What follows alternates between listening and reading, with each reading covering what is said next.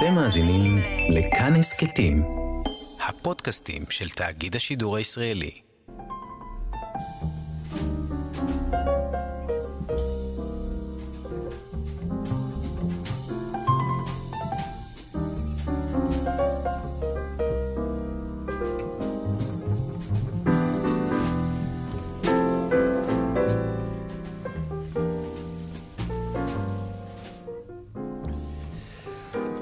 שבת שלום, צהריים טובים. ברוכים הילד בודדות, כאן ברדיו, כאן תרבות, באולפן יאיר סולין ועמיחי חסון. לפחות אחד מאיתנו שרד את אה, מחסומי. המשטרה, אתה לא? לא, האמת שלא, לא נתקלתי.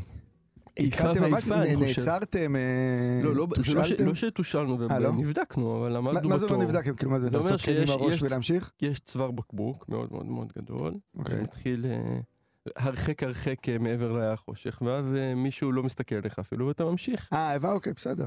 אז לא... מה שנקרא התחושה החזקה הזאת שזה מאוד תכליתי, חשוב ומהותי, המעשה שנעשה. כן. אה, לא, האמת, אני לא לא נחשפתי. לא זכית, אתה לא, מתכוון. טרם, טרם. אבל גם לא הייתי המון בכבישים השבוע, למען האמת. כאילו, רק עכשיו כשבאתי לפה ועוד איזה שתי פגישות, אבל לא. לא, לא, אני תוהה בכלל, אה, כאילו זה כבר נהיה שגרה המצב הזה, אבל רוב היום, הבוק, הבקרים שלנו נראים ככה, ילד גדול אה, מול זום, ילד מהמם. קטן מול זום, אני מול זום. לילד שלך. הקטן יש זום כל יום בגן? כן, כן. אה, יפה. לא, לא- לא- לא- לא- לא מן המובן מאליו, כן. כן, לא, אז יש, אה, ואני מול זום, אשתי מול זום, ומין, יש בזה משהו, אתה יודע, שמעלה שאלות של פיזור אנרגיה במובן הכי, אה, גם במובן אולי הפשוט של המונח, Mhm. כלומר, כל הבית כרגע חי על איזושהי, משהו בלתי בענן. נראה, כן, כן, שכאילו אתה לא יודע מאיפה נכנס, אבל גם במובן הנפשי, כי אתה, כיוון שאתה לא, אף פעם לא יכול להיות רק בזום שלך. למרות שיש לכאורה אוזניות ויש, אתה כל הזמן כן. הרי מקשיב למה שקורה בזומים האחרים, Mhm. וכולם מתנהלים באותו מרחב אה, מצומצם. ואני חושב שכאילו רמת הריכוז שלי, שגם ככה לפעמים היא לא מהגבוהות, כאילו מן המשופרות. מן המשופרות, הגיעה לתחתית המדרגה. אני לא, לא מבין בכלל איך אפשר ללמוד בזום נגיד לילדים, לא, אי אפשר ללמוד זה- בזום, זה- זה פשט, כן, אבל זה- יש פה פונקציה של אה, דברים אחרים. אבל מה, מה, מה הבן שלך עושה נגיד בזום? אני חושב שדווקא הוא הוא. דווקא נהנה מהאינטראקציות. כלומר, אה, אני חושב שילדים, הם לא לומדים, אבל הם נורא נהנים לעשות פרצופים, הם נורא נהנים להציג Mm. אחד את השני, הם נורא. נהנים להראות אחד לשני את החללים שבהם הם חיים. אה, להחליף רקעים, יש המון המון דברים שאפשר לא, לעשות האמת, אגב, בזום. ללמוד הדברים, הוא אחד, הוא לא אחד מהם. נגיד אחד הדברים שאני רואה ככה, תוך כדי כאילו שנגיד אני בפגישות בזום, אז אני מוצא את עצמי חוקר את את הדבר הזה. אתה יודע, כאילו כן. פתאום נוצר באמת חלל חדש, אתה מתחיל אה, להבין מהו. וזה באמת עולם שונה לגמרי. זה לא ייאמן, אפילו ברמת הבעות, ברמת על מה אתה מסתכל, ברמת איך אתה מגיב לכל דבר, על איך אתה מדבר, באיזה קצב. פשוט עולם שונה לחלוטין, וזה דבר שהוא מרתק בהמון המון רמות, אבל הוא פחות כנראה חזק ל- יש למידה. משהו ב... אני מניח שגם יצא לך המון פעמים כשעושים זום אה, עבור ארגונים או עבור. זה, אז יש איזה מישהו שמסביר לך איך צריך, כאילו, איך הפריים אמור להיראות. כאילו מביאים לך את. הפריים. עכשיו, התוצאה המדהימה של הדבר הזה זה שבאופן, אני מוכן להתחייב ברמת ה-95%, הפריים שמיוצר על ידי המומחה הוא הפריים הגרוע ביותר שאפשר להעלות על הדעת. כלומר, יש פה איזה מין סמכות שלא ברור איך היא נוצרה, די מהר, תוך שנה כבר יש. יש מה שנקרא מומחה. כן, מומחה זום, מומחה זום, כן. זום. זה כמו כאילו אה, פעם היה קורסים כאלה למשחק מול מצלמה או לדיבור בפני נכון. קהל, אבל עכשיו יש קורסים, כן. ליטרלי, קורסים אה, אה, כן. להתנהלות בזום. עכשיו, אתה מצפה שמי שיודע על מה עושים, ידע מה עושים, ואיכשהו מצליח לייצר פריים שהוא כל כך לא... הרי הדבר היחיד הטוב שיש בזום, זה תחושת האינטימיות היחפית שהוא מייצר. ההבנה שאתה פולש לתוך מרחב של מישהו אחר, אתה רואה אותו, בדיוק. וכאילו המומחים, שזה דבר מדהים בעיניי, מנסים לבטל את האפקט הזה. אבל אתה יודע למה זה קורה? כי הם הרי חושבים על זום, הרי כל, כל האנשים האלה זה כאלה שלימדו באמת משחק מול מצלמה או דברים מהסוג הזה, ועכשיו הם נקלעו לזום. אז מה שהם עושים, פשוט מתרגמים את מה שהם כאילו מכירים מהטלוויזיה, מסך, למרחב הזה של הזום, שכמו שאמרנו, במקום ההפוך ב- זה מה שאני אומר, כן. בדיוק כמו שאמרנו, זה כאילו הפוך לגמרי, אבל בגלל שזה מסך וזה מסך, אז זה קופי זה פייסט כזה אחד, כן. עקר שמייצר באמת אה, נראות מוזרה. זו תופעה אה, מאוד נוצר פה, מאוד אני מאוד. אומר, באמת הדבר הכי מעניין פה, וגם ניגע בו בתוכנית ואנחנו נוגעים בו כל הזמן, זה באמת שאשכרה נוצר עולם חדש. בעיניי זה דבר שהוא הוא סופר מרגש. אתה. כבר עזבת את הוואטסאפ, לא, את הוואטסאפ וואטסאפ הייתי איתך הבוקר, לא עזבת את הוואטסאפ, אבל פתחת ערוץ אה, טלגרם אה, חדש. היה לי סיגנל לפני. אה, ואתה זה, משתמש בו? כן. ויש ב- אנשים, בני אדם? יש שם דווקא, יש לא מעט אנשים.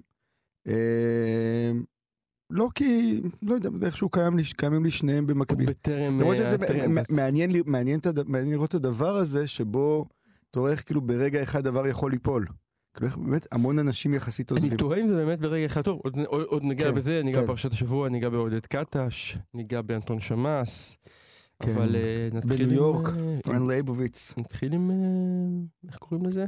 השיר אולי הכי אה, אה, ביטלסי שעולה לי בראש כרגע. אה, יפה, הבאת ביטלס. ביטלס. התחל- התחלנו במיינסטרים. התחלנו במיינסטרים.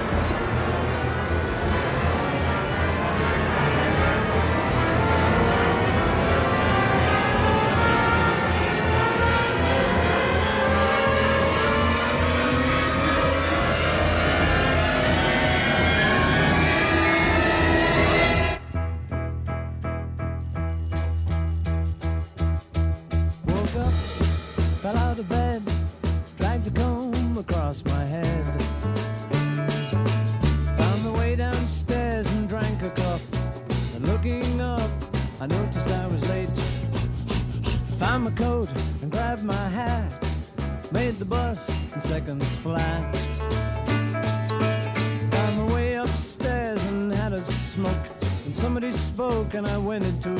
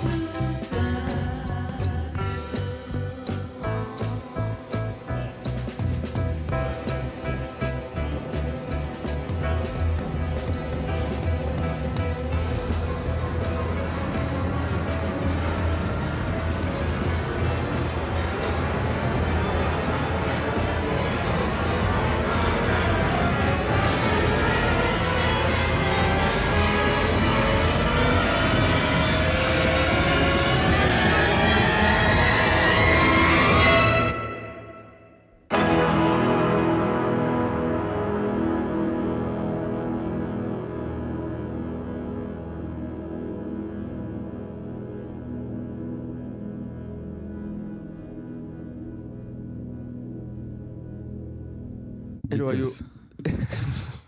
נכון, לא צריך להגיד אלו היו ביטלס, נכון? עדיין אתה חושב, שזה כאילו מסוג הדברים שיישארו לנצח, המובנות הזו? לפחות ב... כאילו נגיד הב- הביטלס זה כמו? מיכאל אנג'לו כזה? אני חושב שכן. כן. נראה לי, אבל אלוהים לבדו יודע, אתה יודע. אין לי מושג. אני מהמר שאם אני צריך לשים עכשיו כסף על השולחן, אני מהמר שכן. מעניין. כי ה... לא רציתי לדבר על זה עכשיו אלא אחר כך, אבל ב... ועוד נדבר על זה. אבל... אבל בסדרה הזאת שסקורסזה עושה עכשיו עם אה, פרן לייבוביץ, על a שנקרא. City, תדמיין שזו עיר, או כן. תשחק כאילו זה עיר. אה, אז יש שם דיון שלה עם ספייק לי, האם מייקל ג'ורדן הוא כמו מיכאל אנג'לו, Mm. מבחינת ה... האם זו אותה יצירה, אותה אומנות. והיא טוענת שלא, והוא טוען שכן, והיא אומרת, ומעניין, ומעניין הדבר הזה, היא אומרת שכאילו, אף אחד לא ילך למוזיאון לראות משחקים של מייקל ג'ורדן עוד 100 שנה. לעומת זאת, אנשים ילכו לראות פיקאסו. אבל אנשים כן יראו ביוטיוב. כאילו, לא, היא אומרת שלא. היא אומרת, אנשים כאילו לא, לא יראו כבר משחקים של מייקל ג'ורדן, כמו שאתה תראה, כמו שאתה תשמע ביטלס. לא בטוח שהיא צודקת. שאלה, אני גם לא כן. בטוח, אבל שאלה, נדבר על הסדרה הזו בהמשך. רציתי לדבר על, אה, וגם שינינו את הסדר האייטמים בשביל זה, כהמשך למה שדיברנו על הזום, ועל העולם החדש שנוצר, ועל הניסיון לעשות איזה פייסט בין העולם הישן לעולם החדש בלי שום התאמה או בלי הבנה שזה באמת מרחב אחר לגמרי. רציתי לדבר על דבר שקרה השבוע ועורר משום מה הרבה התרגשות אצל הרבה הודעת פוש-אפ, ישראלים. מה זאת אומרת? אתה יודע... הייתה אה, הודעת כן, פוש-אפ? כן, כן. אה, יפה. עד- עד כדי כך. אה, אני מדבר על הנאום שננסי פלוסי נתנה מול הקונגרס. אה, בניסיון הדחה או לא, בתהליך, הדחה, ש- כן, בתהליך. הדחה ייעצר, אבל כן, כן. בינתיים התקדם אה, מול טראמפ, ואז היא, בשיא כאילו הנאום, היא מצטטת את המשורר הישראלי הגדול אהוד מנור, כדבריה, כן. Great Israeli Poet, והיא אומרת, את ה, היא מצטטת את השורות שכולנו מכירים, לא אשתוק כי ארצי שינתה את פניה וכולי וכולי. והרגע הזה שהיא אמרה את זה, בעיניי, ואני רוצה קצת שנדבר עליו, כי הוא בעיניי המחיש את כל מה שאמרנו מקודם על הבמאי זום, אה, במאי טלוויזיה שהפכו להיות במאי זום. תסביר. אני אגיד, ה- זה המחיש בעיניי את חוסר ההבנה שאם הארץ שלך שינתה את פניה, מה שאתה צריך לעשות זה לא להילחם כדי להחזיר את מה שהיה פעם, אלא להבין שיש סיבה שהארץ שלך שינתה את פניה. כלומר, גם בשורות האלה, אגב, של אהוד מנור, בדיעבד אתה מבין היום שמה שאנחנו קוראים לו כאילו ה... ההתפוררות של השמאל, נגיד הישראלי, בסוף תמונה בשורות האלה בדיוק. ב... אני לא אשתוק כי הארץ שלי שינתה את פניה. במקום לבוא ולהגיד, רגע, הארץ שלי שינתה את פניה, מה זה אומר עליי? מה זה אומר על המציאות? מה זה אומר על המרחב שאני חי בו? וזה כאילו, כשאתה שומע אותה אומרת את זה בפאתוס, או כשאתה שומע את... אה, מי שר את זה? גלי עטר? אה, גלי עטרי, גם קוראים עטרי, אלעל, כן. כן. אבל זה שיר כן, שאני חושב שזה אולי השיר המשומש ביותר בהפגנות. אגב, גם אה, מימין וגם משמאל. לחלוטין, אני אומר, כשאתה שומע את זה, זה נשמע לך, זה מסוג הדברים שכשהיא אמרה את זה, הייתי צריך את ההזרה הזאת שלה, לשמוע את זה אותה, בתרגום, אומרת את זה עם הפאתוס, וכל ההילה הזאת בעיניי המנופחת של כל מה שקרה בקפיטול וכולי, כדי להבין עד כמה הדבר הזה שהוא כאילו נשמע הכי לוגי בעולם, אני לא אשתוק, כי ארצי שינתה פניה, משהו השתנה, אני חייבת להילחם. במקום לבוא ולהגיד, אני צריך לבדוק, אני צריך לבדוק מה השתנה קודם כל, ולמה הוא השתנה, ולמה זה קורה. וזה, לא יודע, לי זה מאוד מאוד חידד את, ה, את הניתוק הזה מהמציאות, של לבוא ולהגיד כאילו, יש איזה אידיאה פיקס, אני חושב שאנחנו מדברים על זה הרבה אגב בתוכניות האחרונות שלנו בכל מיני צורות. יש איזה אידאת פיקס כזו, ואנחנו עכשיו אה, נאנוס את המציאות לתוכה, במקום להקשיב למציאות ולהגיב אליה ולצמוח מתוכה, כן? אני חושב שזה מעניין דווקא אה, ההאזרה הזאת, כי האתוס הישראלי והאתוס האמריקאי פה לא יושבים על אותו מקום. במובן. מסוים המילים של אהוד מנור יותר נכונות לאתוס האמריקאי. שמסתכל על, בעיניי לפחות, שמסתכל על האבות המייסדים, ומסתכל על החוקה כאיזה מסמך מכונן שחוזרים אליו שוב ושוב, ובעצם, בעצם, בעצם, בתוך עולם אמריקאי קצת, המילים האלה בעיניי נתפסות הרבה יותר חזק. כי ברור לך למה היא מתכוונת כשהיא אומרת את המילים האלה. אחד הכשלים של השיר הזה בעברית הוא שכל אחד יכול לפרשן אותו איך שהוא רוצה, ובגלל כן. זה אני זוכר בתקופת ההתנתקות, אה, אה, חבריי הטובים ביותר צורכים את זה בהפגנות, אה, וכנ"ל לגבי אה, מלחמת... אה, אהבתי את החבריי הטובים ביותר. ולא כאילו אני, מה אני כן, אעשה? לא, לא, יש לי לא- את ה... לא- איך שחברים טובים שלי הם... לא, כן. שיזדהו זה באמת, זאת אומרת, הט- הטקסט הזה מספיק אלסטי, והארץ, לא אשתוק, על מה לא שותקים, הוא כל כך פתוח לפרשנות במובן מסוים, שלא כך ברור למה אנשים מנסים לחזור, כשמנסים לחזור לסיפור הישראלי הראשיתי. אבל אני- רק- רוצה לשאול שנייה, אם כן. אם בכלל אפשר לחזור למשהו. כלומר, השאלה היא, בעיניי, אתה מדבר על משהו, אני רוצה בכוונה כן, רגע לצאת בבקשה, מה- מה- בבקשה, בבקשה. מהדיבור שלך ולהתחבר אליו אחר כך. ואני חושב שהסיפור האמריקאי בעיקרו כן מנסה כל הזמן לחזור. ה-Make America Great Again בסוף של, אה, של טראמפ והדיבור של אה, ננסי פלוסי בסוף יושבים על, אותה, על אותו סנטימנט כמעט. שיש לו איזה סיפור אמריקאי ששוב, והטענה שלך שאני מסכים איתה בגדול, היא שזה לא משנה. העולם השתנה, הדברים השתנו, המהלכים אה, אה, כל כך אה, אה, שיבשו את עצמם לדעת שזה חייב, חייב להיות פה איזה מחשבה של סנכרון מחדש, או בשפת ה Waze החישוב מסלול מחדש. אבל אני- אני כן מבין דווקא בהקשר האמריקאי את הסנטימנט הזה. בהקשר הישראלי זה תמיד מצחיק אותי, כי אני חושב שאף אחד לא מדבר על לאן אתה חוזר בכלל. כלומר, הארץ ישראל הישנה והטובה הזאת מדומיינת בכל כך הרבה דרכים שונות ולא מוסכם על נקודת האפס. בארה"ב בסופו של דבר נקודת האפס היא מוסכמת. הסיפור האמריקאי הקלאסי הוא מוסכם. אנחנו מקימים ארץ חדשה, נטולת אה, אה, של הדמון, נכון, עם אה, כל החלום. הב- כלומר, אתה, אתה ברור לך לכאורה לאן חוזרים. בסיפור הישראלי זה הרבה יותר קיצוני במובן הזה שכאילו, לאן חוזרים. יפה. אבל אני זה- לא סותר את כל לא, מה לא, לא, שאמרת, לא, זה- אני- אני חושב- שזה- אני חושב שזה דיוק חשוב. אני רק חושב שה... כל הסיפור האמריקאי, אולי זה אפילו מחדד את מה שאני אומר, במובן הזה שהברור לאן חוזרים הזה האמריקאי, זה בהכרח האפשרות ללא לדעת לאן חוזרים אף פעם. כלומר, כל הרעיון של חוקה, ונגיד של החוקה האמריקאית, היא כמו בטבלת הצרכים של מאסלו, לייצר בסיס יציב כדי שתוכל להשתנות. ואז אתה רואה את הדבר התיקונים ה... האינסופיים, כן. זה, אתה רואה את הדבר המדהים שבו ההתמכרות לעבר באמת חונקת את העתיד. כאילו, אני חושב שזו אולי הייתה התחושה החזקה, ויכול להיות שזה אפילו, אפילו במובן הזה, הגיל נגיד של ננסי פלוסי, האישה המבוגרת שאומרת את זה, ואמרת, אני חושב, אחד הדיוק סופר חשוב שאמרת, זה. העובדה שהיא וטראמפ בסוף רוצים אותו דבר. כל אחד רוצה לה לחזור לגרייט שלו, בדיוק. ולכוח הישן שלו, במקום האפשרות לצמוח למקום חדש. ולא יודע, זה ממש חידד לי את ה... בעיקר, אני אומר, בעיקר מה שהכה אותי, זה הפער בין איך שזה נשמע מאוד מאוד הגיוני, כן. לבין איך כשאתה חושב על זה ומפרק את זה, אתה מבין שזה, של זה. שזה חסר במשמעות, היגיון. כן. כן, אתה מבין, שזה, אתה מבין שכאילו נגיד אפילו בעיניים יהודיות למשל, זה, זו ההתגלמות של עבודה זרה. פר אקסלנס, כלומר השאיפה הזאת לחזור אחורה היא משהו שה... אם יש משהו שכאילו היהדות לכל הווריאציות של הסונט, עד אולי המאה ה-19 נגיד, ואז החרדיות, זה בדיוק העניין הזה של הלחזור אחורה, אתה אף פעם לא חוזר אחורה, אתה תמיד מפרק את, ה... כן. את המבנה הבסיסי. במובן הזה ההגדרה של, אה, של גרשון שלום ליהדות היא באמת כנראה ההגדרה הכי מדויקת. זה סיפור שלובש צורה ופושט צורה מהמם. ומתעצב בהתאם אה, אה, לזמנו ולעיתו. ואין אין דרך בעצם להגיד שיש מהות אחת אה, דוגמטית חד משמעית. אה, אה, לג... אני חושב שזה סוד, כן. סוד ההישרדות לגמרי, כמו שהוא אומר ב... באמת הוא הפך להיות כוכב תוכניותינו, אולי תמיד היה. אבל ה... הוא אומר, יש לו את ההבחנה המדהימה הזו לגבי התורה שבעל פה, שאומר, תורה שבעל פה זה שאלות, התשובות זה הדבר הכי פחות חשוב בתורה נכון. שבעל פה. וכשאתה רוצה לחזור למשהו, אתה מניח שיש לך איזו תשובה. וזה עבודה זרה פר אקסלנס. וגם אה, עוד משפט אחד לפני שנצא, וזה אולי הסוד הגדול של אה, אודיסאוס תמיד. אתה יכול לחזור הביתה, אין בעיה. אבל זה לא יהיה אותו זה בית, לא יהיה אותו בית. לגמרי.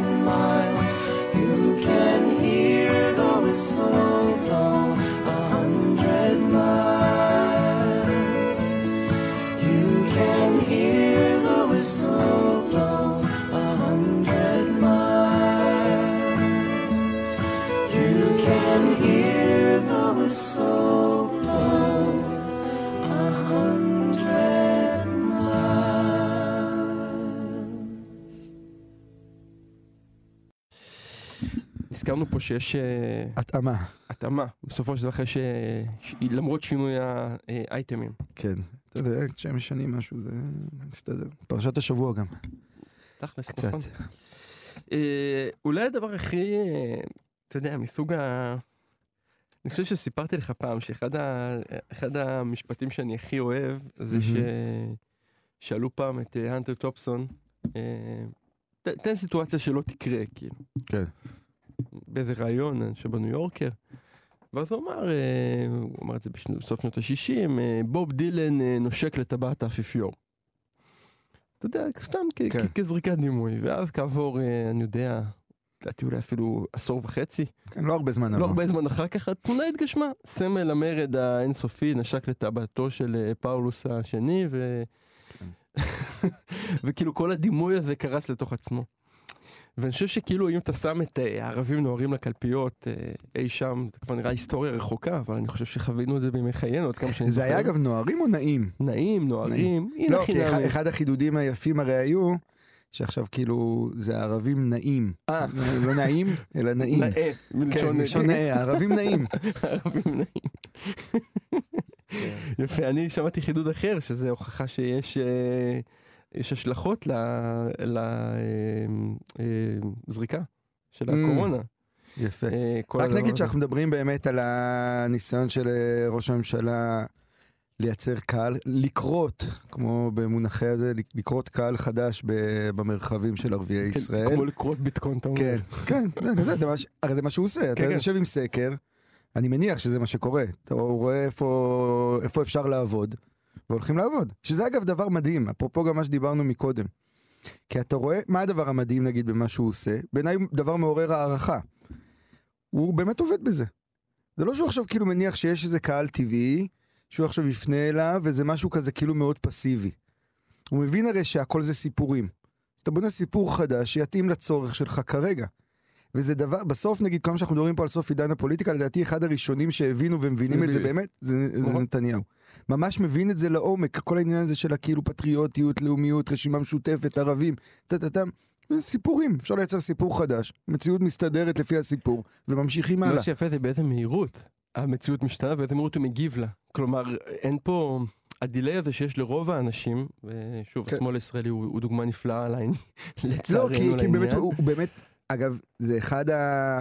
אני חושב שהוא באמת אין לו, אין לו עבר לחזור אליו. אין לו, אין לו משהו שכובל אותו. שזה דבר אה, שאתה חושב עליו, הוא כאילו דבר מדהים. זה מסוג הדמויות האלה שהכוח שלהם, זה באיזשהו דבר, שאין להם באמת בית אמיתי לחזור אליו. תמיד היו סוג של בני, בני בלי בית כאלה, כי זה גם פה וגם באמריקה וכל הזהויות המתערבבות. ואז אתה יכול כל פעם לייצר את הזהות שלך מחדש. עכשיו דיברנו עליו פה בהקשר של דון דרייפר וגרייט גטסבי וכאלה. הוא, הוא יושב על ה... בעיניי כן, על הליין הזה, אה, בצורה שמישהו אי פעם צריך לכתוב על זה כמו שצריך. אני חושב שלא כתבו עליו ככה. לא. כתבו עליו מהמון המון כיוונים. אני אה, חושב שכאילו כל הזמן מנסים להכניס. אותו ל- כאילו למסגרת הישנה, אבל כל הכוח שלו שהוא שובר אותה. שהוא שובר אותה. אה, אבל ככה, כל, ה, כל המופע הזה שם בנצרת החזיר לי את השאלה הגדולה שבה בחירות הן תמיד זמן של אה, אז אנשים... תגיד, המופע של בנצרת זה הנאום שלו. הנאום של, אה, של נתניהו ש, שקורא אה, לפתע פתאום להשתלבות החברה הערבית. אה, לפתוח ש- עידן חדש. לפתוח עידן חדש, כל מיני ערבים שהוא פגש במהלך הדרך, פתאום אה, עלו, עלו באוב, עלו כן. לעת לילה, הבטחה לשר ערבי. כל מיני דברים קרו שם.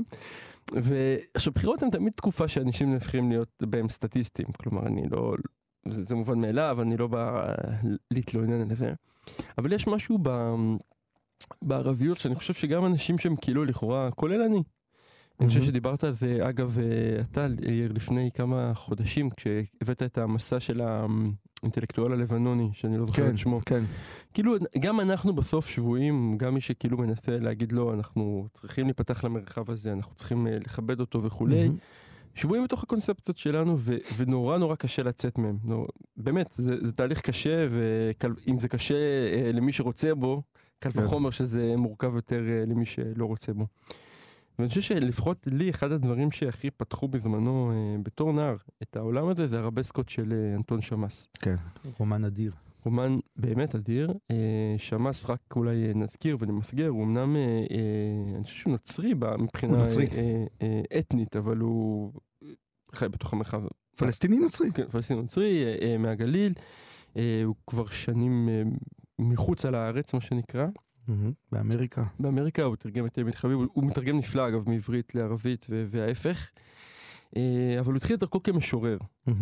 אה, ויש שיר שלו, אני לא מכיר הרבה שירים שלו, ויש שיר שלו שנחשפתי אליו באנתולוגיית אה, ציפור האבן שערך חיים באר בזמנו, שאני זוכר שקראתי אותו בתור נער, הוא ממש...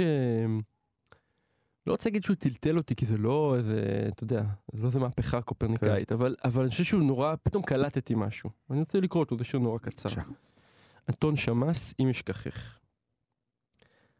אמרתי לחפש את העיר, ולא מצאתי דרך להתחפש, ולא מסכת שביל.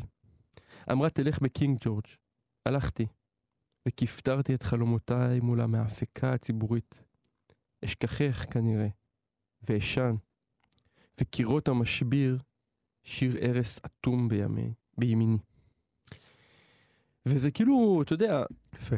זה, זה שיר יפה, הוא לוקח את ה... את, בוא נגיד את uh, סממני הזהות הכי ברורים של... לש את הזהות הישראל- ישראל- הישראלית לתוך. הזהות שלו. כן, זאת אומרת, האם אשכחך ירושלים, ואתה יודע, אפילו הנערה משיר השירים שמחפשת אה, את ואפילו העיר, המשביר. והמשביר, אגב, יוסף המשביר שלנו. אה, אה, מהפרשות האחרונות. כן. ו- ואפילו, אתה יודע, המיקום של זה בקינג ג'ורג', עם כל ההבנה של המ- המלך שנמצא בזמן בלפור, כלומר, יש פה איזה מין מיקס כזה שאתה... אפילו יש בזה משהו מעניין, נגיד, כשהקראת, חשבתי על זה שה... אפילו לקרוא נגיד משורר ערבי שמזכיר את קינג ג'ורג', זה, זה כבר כאילו מעורר בך איזושהי, כאילו, רגע, איפ- איפה הוא במרחב בדיוק. בעצם? וזה כן, לחלוטין. רק נגיד שאנטון שמאס, אני חושב שאחד הדברים הכי מדהימים זה שהוא עשה, זה באמת בערבסקות, זה הפרויקט האדיר שלו של לייצר ספרות פלסטינית ערבית בעברית. כלומר, להיות חלק מהמרחב הישראלי, מה שהסתיים בפיצוץ גדול אמיתי, לא בסקנדלים אה, נבובים של עכשיו, אבל באמת סקנדל כן. ספרותי אדיר, שבסופו הוא כאילו עזב את ישראל. גלה.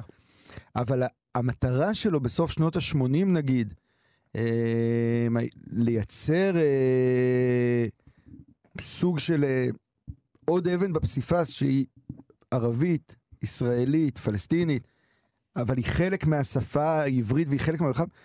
פרויקט שעד היום לא נוסה, יש לו את המשפט האדיר שאני חושב שהוא באמת המשפט שתפס ראשון את כל הסיפור הישראלי ואת הבעיות שלו, הוא אמר, עוד לא הקמנו את מדינת ישראל. וזה עוד צריך להקים את מדינת ישראל, וזה נכון. כלומר, המטרה שלו הייתה להקים את מדינת ישראל. וכשהוא חטף את הכאפה אל מול האשליה, זה קצת... תמיד כשאני חושב על אנטון, אנטון שמאס, אני חושב על, ה... על בן הכפר הזה ב... בלפני החוק של קפקא. שהוא מגיע והוא מחכה כל החיים להיכנס לפני החוק, ואז בסוף השומר אומר לו, זה רק השער שלך. כן, כן. כאילו, טמבל, מה ציפית? אתה יודע, הוא יושב מחכה, לו איזה אתוס של משהו, והוא אומר לו, תשמע, זה לא... זה נסגר עוד רגע, לא- הפנטזיה שהייתה לך בחיים לא, לא הייתה קיימת, הרי מה הוא ציפה לפני החוק? שכולם יגיעו וייכנסו, כולם רוצים לא, להיכנס שואל אותו לחוק. בסוף, למה אף כן, אחד, כן, כן. אם זה, ה- כן, למה אף אחד לא יבא? לחלוטין, ואז זה רק השער שלך, כלומר אין בכלל, את האשליה הקולקטיבית הזו לא קיימת, כלומר האשליה של הישראליות הניטרלית של בני המקום, אני חושב שאנטון שמאס, מה שהוא חווה בסוף שנות ה-80 זה, זה השל... אין, אין דבר, הדבר הזה לא באמת קיים. זה מעניין שכל החבורה הזאת היא באמת גלתה מכאן, גם אלה שהתחרפנו לגמרי כמו עזמי בשארה, ש... שבאותם שנים דווקא אמר דברים מאוד uh, מעניינים, אה, ואפילו uh, שאולי הם הקד- הקדימו את זמנם, אני אומר בטרם היותו uh, uh, מרגל למדינת אויב, כן? שלא יובן לא נכון. לפחות לי כן. זה חשוב uh, להבהיר את זה. Uh, בהחלט. אבל היה פה על מה לדבר, מה שנקרא. הייתה שיחה. הייתה שיחה, בדיוק. הייתה שיחה, היה ביבוא, אני חושב שאגב מי שהרג את השיחה הזאת צריך להגיד בכנות זה השמאל הישראלי, לא, ה- לא הימין לא היה חלק ממנה בכלל, אבל חוסר היכולת באמת לייצר אה, סיפור ישראלי, או להתחייב לסיפור ישראלי, שזה אגב אפרופו מה שדיברנו קודם על ננסי פלוסי והיכולת לייצר דבר חדש, היא כמעט, אה, היא כאילו אני חושב הרגה את הדבר הזה והיא בעיקר יצרה ריק מאוד מאוד משמעותי שלתוכו אני חושב נכנסו המון המון כוחות שהיום אנחנו רואים אותם צומחים כי לא הייתה אלטרנטיבה ורק אני אגיד על זה עוד חצי משפט. זה בסוף בדיוק מה שמאפשר את החיבור בין נתניהו לציבור הערבי כלומר אני חושב שכן הוא מזהה שם משהו אמיתי בתחושה שהסיפור הישן ההוא נגיד של עזמי בשארה הוא, הוא כבר לא רלוונטי להם ואומרים Mhm. אנחנו רוצים את הדבר נכון. החדש והנציגים עדיין לא מצליחים לקבל את זה. נשמע אה, יהודים ערבים? יפה. אה, רביד גולני, רביד כחלני וציון אה, גולן? יהודים ערבים.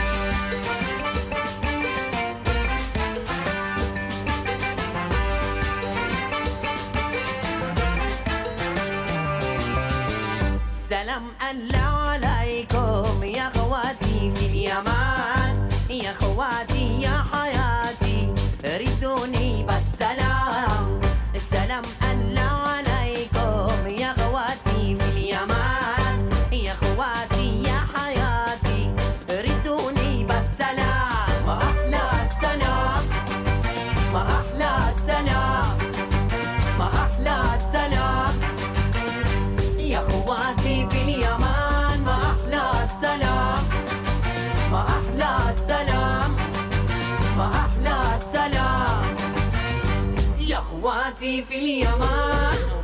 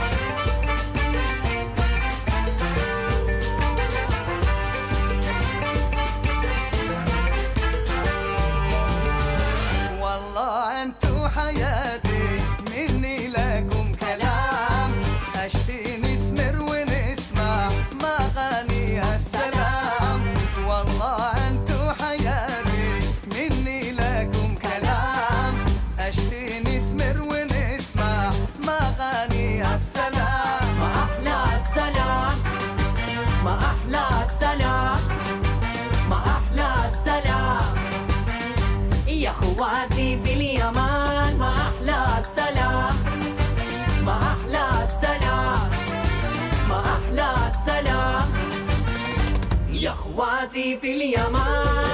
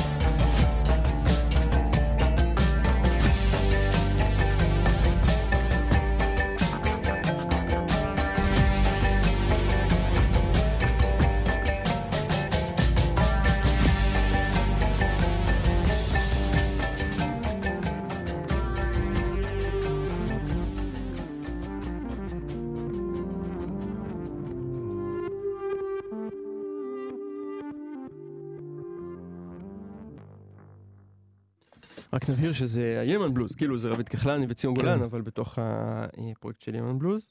גם, אתה חושב שהם היו, ציון גולן היה חותם איתך על היהודים ערבים? אה, לא, אבל מה זה אה, משנה? לא, אה, הכנסת אותו פנימה, נראה לי, סיבכת אותו בבית כנסת בראש העין או משהו. אתה חושב? לא, לא יודע, יש אולי. לו קול אדיר לציון יש לו גולן. קול אדיר. הוא לא- גם, אגב. אתה שומע כאילו. בדיוק, הוא תופס את הטונים בצורה סופר מדויקת. אני רוצה לדבר על אה, סדרה שאתה עוד לא ראית אותה. כן, נעשה פה גילוי אה, נאות. בשביל הגילוי הנאות, אה, אבל לא, אני לא חושב שצריך לראות אותה בהכרח, אה, כאילו אני חושב שמי שמכיר את ההקשר, לא בהכרח צריך לראות אותה כרגע, למרות שזה מומלץ וכדאי, זו סדרה שנקראת אה, נדמה שזה עיר. סדרה שמרטין סקורסזה עשה ביחד עם אה, פרן לייבוביץ, שהיא סופרת, קומיקאית, אושייה. אה, אושייה, בדיוק, דמות אה, ניו יורקית אה, מיתולוגית, באמת דמות מיתולוגית, והם ביחד מדברים על ניו יורק. והם אה, מפרקים את העיר הזאת מכל הכיוונים שלה, ואת ה... באמת אני חושב שהשם של הסדרה הוא, הוא כל כך מדויק, ועליו הייתי רוצה להגיד כמה מילים, על ה-Pretend it's a city. כי יש את המשפט היפה שהוא פשוט מתחבר לכל מה שאנחנו מדברים עליו היום ובכלל. משפט היפה של אה, הסופר הפוסט-מודרני ברטלמי, שאומר שניו יורק היא לא עיר, אלא היא הרעיון של איך עיר יכולה להיות. ההבנה הזאת כאילו של עיר כרעיון. ואני חושב שלכל אורך הסדרה הזאת של אה, סקורסזה ולייבוביץ, ממש רואים את ה... איך הם מתייחסים לזה כרעיון, לעיר הזו, איך הם מפרקים מרחב, שאני חייב להגיד בסוגריים, אפרופו הקורונה וזה שאני, הלב שלי יוצא רק למראה הרחובות. זה צולם עכשיו בקורונה? כלומר, הרחובות אני לא יודע אם זה ריקים צולם, וה- בקו... לא, אני לא חושב שזה צולם, אני חושב שצולם אולי קצת לפני, אבל בעיקר היא... הם עשו שם דבר מאוד יפה, הם בנו כאילו דגם של ניו יורק. אממ. שזה כשאתה, כשסקורסזה עושה דוקומנטרי אז משקיעים אה, ב, בעניין הזה, אבל הם בנו כאילו דגם כזה של ניו יורק שהיא כאילו הולכת, אה, קטן, מוקטן כזה, אבל היא כאילו עומדת אה, לצידו ובתוכו. וגם מראים אה, קטעים שהיא מסתובבת, אני לא יודע אם זה צולם לפני או לא, שווה לבדוק. לא רואים משהו, לא רואים סימני קורונה מהמם. בפרקים שאני ראיתי, ראיתי יותר, יותר מחצי מהפרקים. אה, אני חייב להגיד שבאמת הלב שלי יוצא, יוצא לעיר הזו, כי בעיניי היא גם אהבת נעוריי וגם הש- מקום שביליתי בו הרבה בשנים האחרונות. והדבר הכי מעניין שם, זה כאילו, איך, אנחנו כאילו לוקחים את ניו יורק כמובן מאליו. ואמרת האמריקאים, גם אמרת את זה בהקשר של אה, מה שדיברנו על ננסי פלוסי, יש להם לאיפה לחזור. אבל בעצם ניו יורק היא דבר מאוד מאוד חדש. כלומר, העיר הזו, המרחב הזה של מנהטן, והם מפרקים את זה מאוד מאוד יפה, זה מרחב שנולד, נגיד, בתחילת המאה ה-20 בתצורה הראשונה שלו, ונולד כמו שאנחנו מכירים אותו בשנות ה-70, סוף שנות ה-70 נגיד של, אה, של המאה ה-20, תחילת שנות ה-70, התקופה הזאת של המאה ה-20,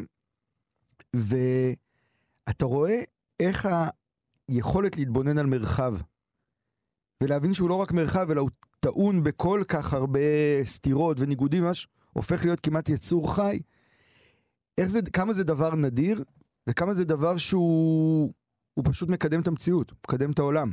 כלומר, בשיחות אצלם, הרי למה פרן לייבוביץ היא מעניינת? כי היא מדברת על הדברים הכי איזוטריים במרחב. כאילו דברים שבאמת, כשהיא אומרת ב Pretend It's a City, אני חושב שזה, שהמשפט הזה לקוח ממשפט שבו היא אומרת שהיא רואה נגיד תיירים שהולכים בעיר, היא אומרת, תדמיינו גם שזה עיר אמיתית, אנשים באמת חיים פה, זה לא... כן, זה זה לא לא רק. אה, כן, זה לא רק שבאים לפה לראות את המונומנטים, יש פה כן. באמת אנשים חיים, מדברת על הכורסאות שבלומברג שם בזמנו בטיים סקוואר, בכלל מדברת נגיד על הטיים סקוואר כמקום שהוא לא חלק מניו, הוא לא ניו יורק, כל כן. ניו יורק אמיתי עוקף אותו וכולי. ולא יודע, בעיניי, אותי זה ממש מרגש, עוד מעט נגיד נדבר קצת על עודד קטש, אם יהיה לנו זמן אני מקווה, אבל זה חלק מאותו דבר.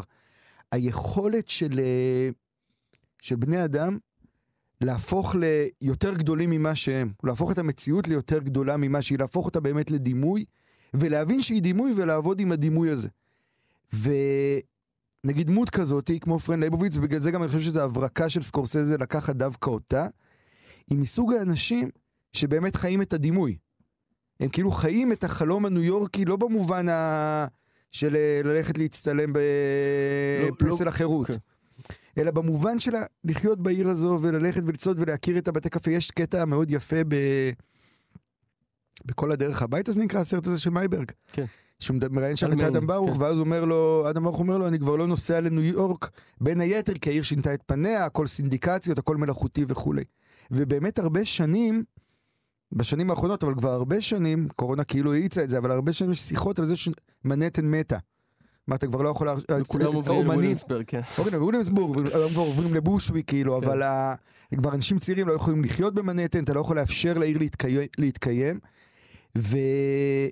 וזה גם קצת מתחבר, אני חושב, שוב למה שדיברנו על הפלוסי ואמריקה, במובן הזה, שאם עיר לא חיה, ואם היא לא מייצרת את המנגנון, ואם אין בה דמויות כמו פרן לייבוביץ, שכל דבר ביניהם הוא דימוי למשהו, הרכבת התחתית והרחוב והקפה וכולי, הכל זה הרבה יותר גדול ממה שזה באמת, אז באמת המרחב מת.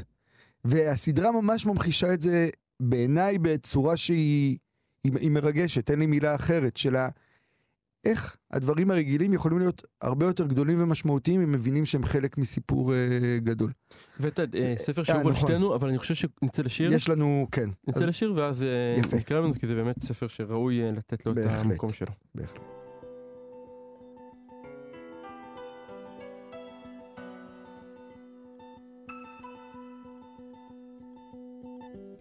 לעתים את לא קולטת שאני איתך אחרת. וכל יום שעובר אני אוהב אותך יותר.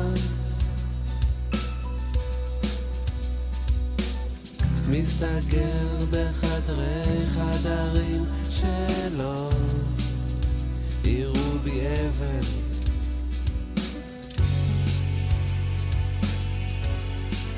מה את מבינה? מה את מבינה?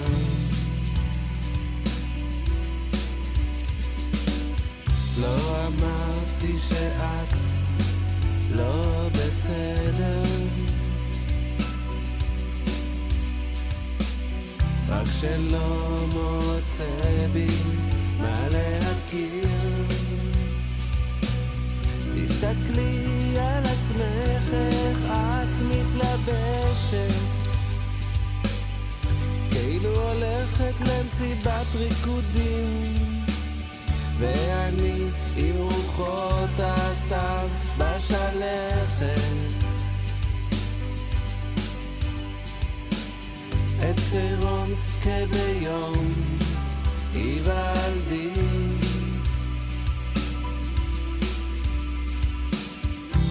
לעתים את לא קולטת שרק אותך אני רוצה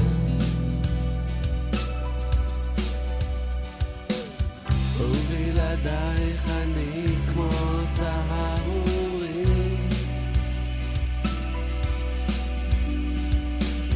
מתהלך בדרכים לא מביט לצדדים כי אין אחרת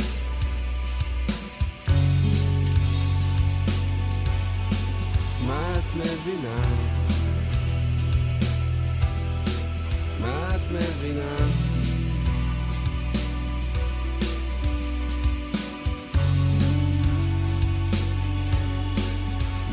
מבינה?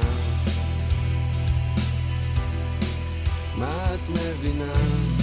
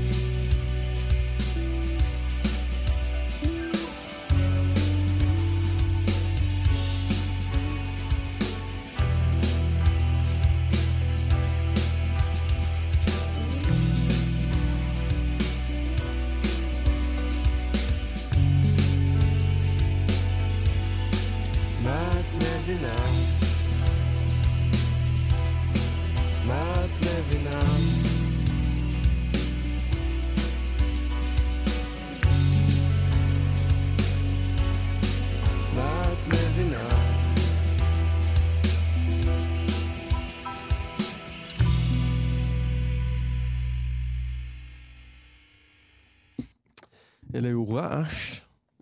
תל אביב נגיד של שנות ה-90? כן, לגמרי, אגב, כן. זה דווקא... חי בפלורנטין, חולם בניו יורק סיטי, מה שנקרא. בדיוק הפנטזיה, הפנטזיה הישראלית. ש- אגב, גם התעממה, אני רואה את זה עכשיו, נגיד, אתה רואה עכשיו ראיונות עם חולדאי. מדבר איתך על תל אביב, אבל אתה מבין שתל אביב הזאת שכאילו נוצרה, האיש שהוא כאילו תיקן, היא הייתה התל אביב שמזינה את הדימוי של תל אביב היום. כלומר, זה בדיוק הדבר הזה, יש שם, שוב, אני חוזר לסדרה הזו של, ה- של פרטנדיזיה סיטי, אז היא אומרת שם, שכאילו שואלים אותה מה לא פחדת להסתובב בניו יורק שנות ה-70 ואתה אומר, לא הכרנו שום דבר אחר, זו הייתה ניו יורק שכאילו קמנו להגיע אליה. וזה כאילו, זה היה דבר, היא מספרת שם דווקא סיפור מצחיק, היא אומרת שפעם פרצו לה לאוטו וגנבו לה מהדשבורד קופסת סיגריות ותפוח. ואז מיד קראתי לשוטר, השוטר כזה בפינה, הוא הגיע ואז הוא אומר, היא אומרת לו, פרצו לי לאוטו, אומר, מה, מה לקחו? אז היא אומרת לו, קופסת סיגריות ותפוח. אז הוא אומר לה, נו, מי שם כזה? דבר ב... זה, כאילו, את כאילו... איזה בן אדם את, כן? כאילו, את מפתה את הבן את הפורץ, הוא לא יפרוץ בשביל קופסת סיגריות ותפוח.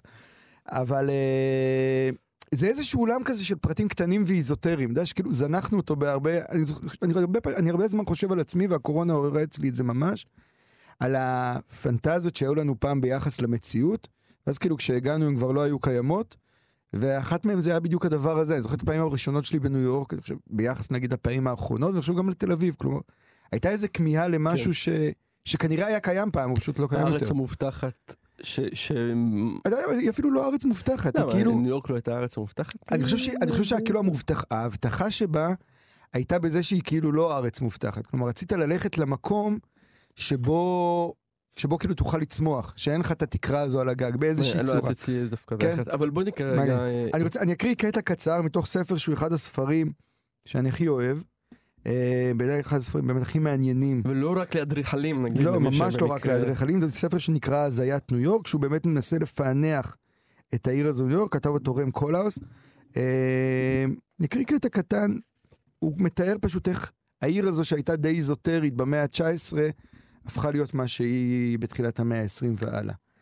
אה, אה, אני- אקריא מכאן, כי זה משהו מתוך הקשר, הוא מתאר את אה, דרימלנד שהיא הייתה גן משחק, פארק משחקים הגדול שבעצם התחיל את כל התהליך. תהליך. כותב ככה, דרימלנד, דרימלנד נפתח רק שבע שנים לאחר אה, סטיפלצ'ייס. בניסיון לספק לכאורה בידור ושעשועים ללא הגבלה, הפקיעו למעשה טיליו, תומפסון וריינולדס קטע משטח העולם, הרחיקו אותו מהטבע יותר משהצליחה הארכיטקטורה לעשות אי פעם, והפכו אותו לשטיח מעופף שמסוגל לשחזר חוויה ולייצר כמעט כל תחושה, לקיים מספר אינסופי של מופעים פולחניים לגירוש העונשים האפוקליפטיים של המצב המטרופוליטני, ולשרוד את ההסתערות של יותר ממיליון מבקרים ביום. בתוך פחות מעשור הם המציאו וייסדו אורבניזם שמבוסס על הטכנולוגיה החדשה של הפנטסטי. מזימה מתמשכת נגד המציאויות של העולם החיצון, שמגדירה יחסים חדשים בין אתר, פרוגרמה, צורה וטכנולוגיה. האתר הפך כעת למדינה מיניאטורית, הפרוגרמה הפכה לאידיאולוגיה שלה, והארכיטקטורה הפכה לסידור המערכת הטכנולוגית שמפצה על אובדן הפיזיקליות הממשית. הקצב המטורף שבו שלח האורבניזם הפסיכו-מכני הזה את זרועותיו על פני קוני איילנד מעיד על קיומו של ריק, שהיה צריך להתמלא בכל מחיר. בדיוק כמו כר דשא נתון שיכול להאכיל מספר מסוים בלבד של פרות מבלי להפוך לשטח קרח, המציאות של הטבע נאכלת בהדרגה תחת ההקצנה ההדדית של תרבות וצפיפות באותו מקום. המטרופולין מוביל לחסך במציאות. המציאות הסינתטיות הרבות של קוני איילנד מציעות תחליף. אני חושב שזה. אגב, זה נשמע... זה גם זה דימוי שעוד נשאר הרבה אחר כך. בהחלט, כלומר, אני חושב שהוא גם עד היום הוא מזין בעצם את, ה, את כל מי שעבר מקוני איילנד למנהטן. אבל ה... אומרת, זה נשמע טקסט טכני, אבל הוא, הוא בדיוק מתחבר למה שדיברנו מקודם על הזום, ובכלל יצירה של מרחבים חדשים, ההבנה הזו שאתה באמת בורא עולם חדש, שהוא מנותק מהמציאות, אבל הוא מזין את המציאות, היא ההבטחה הכי גדולה של כמעט של כל מרחב ושל אורבניזם וכולי. אנחנו ממש בסוף, לא? כן, רגע לפני שנסיים אני רוצה שבכל זאת נתייחס לעודד קטש. כן, אה, רציתי- גיבור נעורינו, אני לי היה את הקלטת הנפלאה לשחק כמו עודד קטש, ראיתי אותה הוא מאות בדרך פעמים. ל-NBA, כן? והתאמנתי בה-? כן. כן. אה, לא, לא, אה, אני שתי שזה... קלטות שונות? היה לו קלטות שהוא שעושה מנטורינג. מה הגיע עם הקורנפלקס? לא, זה ה-MBA. אני מדבר. על הקלטת שבה ממש הוא מלמד איך לזרוק שלשות. יאיר. יפה. ש- שאתה, יש לך קלטות למטיבי לכת. שעות מול המסך, כן. לנסות לתרגם את זה במגרש, אה, שחוזר לכור מחצבתו במובן מסוים. אה, אז לא, הוא חוזר לפנתנייקוס, ואני ממש רציתי לדבר עליו. כמאמן, רק נבהיר, כן, כן, הוא אה. חוזר כמאמן לפנתנייקוס, הקבוצה שאיתה הוא גנב גזל, גזל. את הגביע ממכבי תל אביב ב-2000. באותה, באותו באמת תצוגה אדירה. אני ממש זוכר את זה יום ראשון בשבע בערב, אם כי החטא ועונשו, זהו, משם... אה, משם התחילה כביכול הנפילה. אבל רציתי לדבר עליו, ובאמת אין לנו הרבה זמן, אז אני אגיד כמה מילים, ואולי אולי איכשהו נחזור אליו גם בשבוע הבא. רציתי לדבר על, ה, על המסלול הזה שהוא עבר. כאילו הוא התחיל ככוכב, לפני כמה שבועות דיברנו על מרדונה, ועל אותן דמויות שהן כאילו, הכוכבות הורגת אותן. אל מולם יש דמויות נגיד כמו עודד קטש, או להבדיל או לא להבדיל נגיד זידן, שהצליחו, שאתה רואה שהמסע שלהם הוא הרבה הרבה יותר ארוך, ואורך הנשימה שלהם כן. הרבה יותר ארוך, כלומר הוא התחיל יש לו קריירה שנייה, אתה כסת... מתכוון. לא, לא רק כקריירה שנייה, בסוף זה אתה מבין שזו אותה קריירה. זה אותו בן אדם שהיה שחקן כדורסל גדול, לא כי הוא בהכרח היה האתלט הכי גדול, או זה, לא, פשוט הוא הוא לא. הבין, הוא הבין את המשחק כן. לעומק, הוא הבין את המכניקה של המשחק, הוא הבין אותו מבפנים, אגב, בשונה ממרדונה, שבסוף אתה מבין שהוא פחות הבין את המשחק, ופשוט היה לו יכולות מאוד מאוד מאוד גבוהות. אצל קטש הייתה כאילו הבנה מאוד עמוקה של המשחק בנוסף ליכולות, ולאט לאט הוא פשוט תרגם את זה, וכל פעם נולד מחדש. אני זוכר נגיד שהוא הלך להיות, כשהוא הגיע לאימון, אני חושב שהקבוצה הראשונה, שהוא אימן לדעתי הייתה גליל או משהו. עוד- עוד חזרה למקום פשע, כן. נכון, חזרה למקום פשע, ואחר כך הוא הגיע לאילת, והוא עשה ממש... וגם סיבוב במכבי תל אביב. והיה כן, במכבי תל אביב, וזה לא הצליח, והוא עזב. כן. אבל אתה רואה ממש מסע של בן אדם שהוא כאילו, שהוא הגיבור של הסיפור שלו. נגיד, אני חושב, אולי זו ההבחנה הכי נכונה. אני חושב שיש כוכבים שהם בהגדרה, בגלל שהם כוכבים, הופכים להיות המושא של הסיפור. הם, הם לא הגיבור, כי כאילו כולם רוצים לקחת אותם למקומות שלהם. ויש את הדמויות האלה, שזה באמת זידן אותו דבר, אני חושב, שכאילו הן רואות את האופק, והן פשוט הולכות באיזשהו מסע, הזכרת מקודם את אודיסאוס, הם כאילו באמת הולכים באיזושהי אודיסאה משל עצמם, ובאמת נבנים. אבל אתה יודע מה עזר פה לקטש? מהמם. זה שהוא נטול כריזמה בצורה קיצונית. זאת אומרת, יכול להיות שאם היה לו את האפקט המרדונאי, שבו אה, הוא דמות כל כך מפוצצת בכריזמה, הוא לא יכל לעשות את המסע הזה. יכול, להיות שאתה מאוד צודק במובן הזה, אבל אני חושב שזה יותר עמוק מזה. הוא באמת הבין מלכתחילה את התפקיד שלו. כלומר, היכולת הזו לבוא ולהגיד, אני נגיד עכשיו, הוא יכול להגיד, הרי אז הוא הלך למכבי, ואני חושב שאגב הייתה אחת הטעויות כמאמן. אבל אומר, אני לא, אני לא הכוכב, אני, לא, אני, זוכ, אני זוכר שהכוכבות היא רק משהו על המציאות והיא לא אני, אפשרה לו לעבור איזשהו מסע, שבעיניי הוא ממש מסע שהוא מסוג הדמויות שבאמת מרתק לפענח אותם, כי הם כאילו, יש הבחנה שאני אני מאוד אוהב, הבחנה בין מצגת לנרטיב. שאנשים מציגים לך רעיון דרך מצגת או רעיון דרך נרטיב. והדרך מצגת זה תמיד כזה מאוד יפה וזוהר עם כל מיני אפקטים, אבל אתה מסיים את המצגת ואתה לא, לא, לא זוכר כמעט מה ראית. לעומת זאת, אם אתה קורא נגיד נרטיב על אותו רעיון, אתה חווה אותו מבפנים וממש מונה לפעולה, ואתה ממש מרגיש נגיד שהדמויות האלה, כמו קטש, אה, הן מונעות מבפנים. הן כאילו מבינות לעומק את המכניקה של הדבר ולא רק את הנראות החיצונית שלו. ורק רק, רק כן, אני כן. אגיד שבעיניי זה ממש רפרנס ענק, או אחד משניהם, לא זה, למסע שאנחנו רואים בפרשת השבוע שלנו, להאשמות של בני ישראל את משה ואת ה... היכולת הזאת היא כאילו להתנהל לא רק כתגובה למציאות, אלא מתוך איזשהו חזון צמיחה הרבה יותר גדול. טוב, עוד, עוד, עוד נחזור למשה. כן. ול, וגם לקטש אולי. וגם לקטש, נודה לנדב אלפרין שח והפיק. אה, שבת שלום. שבת שלום, טובה. בשורות טובות. בשורות טובות.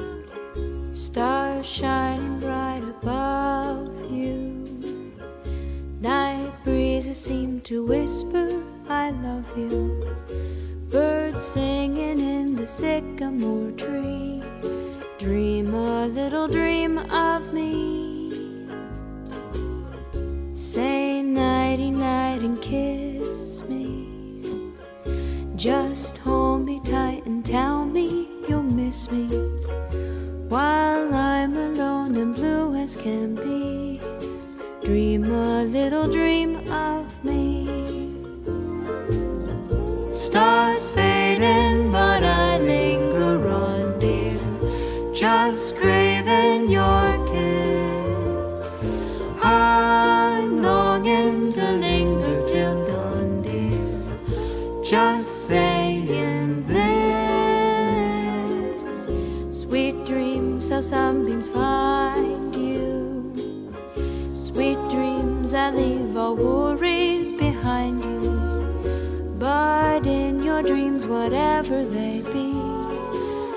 a little dream.